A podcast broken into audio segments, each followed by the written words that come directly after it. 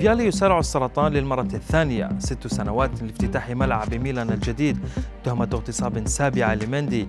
إليكم أبرز أخبار الرياضة في الساعات الأربع والعشرين الماضية في دقيقتين على العربية بودكاست. بعد تغلبه على السرطان عام 2017 أعلن النجم الإيطالي السابق جانلوكا فيالي عن عودة المرض الخبيث إليه مرة أخرى وأطلق عليه اسم الضيف غير المرغوب به. وكشف, نجم يوفي سابقا بأن السرطان لا يزال معه مضيفا بأنه أصبح يرتدي ملابسا واسعة بعض الشيء كي يخفي خسارة وزنه التي وصلت إلى 17 كيلوغراما إضافة إلى خسارة شعره بسبب علاج الكيماوي.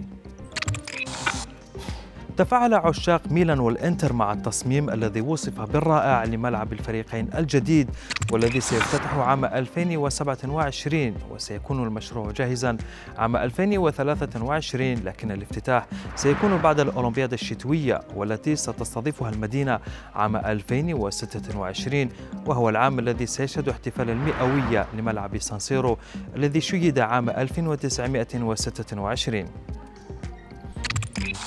اللاعب الفرنسي بنجامين مندي يبدو أنه في الطريق لتحطيم رقم قياسي.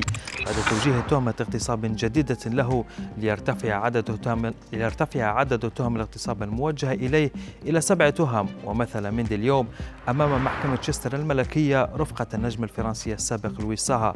ومن المنتظر أن تعلن المحكمة عن حكمها النهائي يوم السابع من يناير المقبل. وتعود آخر مباراة لعبها مندي إلى شهر أغسطس الماضي قبل أن يتم وضعه في السجن. مصائب قوم عند قوم فوائد مثل ينطبق على لاعبي أكاديمية ريال مدريد بعد إصابة عدد كبير من لاعبي الفريق الأول بفيروس كورونا واضطر مدرب الريال كارلو أنشيلوتي لتوجيه الدعوة إلى سبعة من لاعبي الأكاديمية لتعويض غيابات زملائهم في الفريق الأول عندما يحل الملك ضيفا على نادي أتلتيكو بلباو ضمن منافسات الدوري الإسباني فهل سيغتنمون الفرصة؟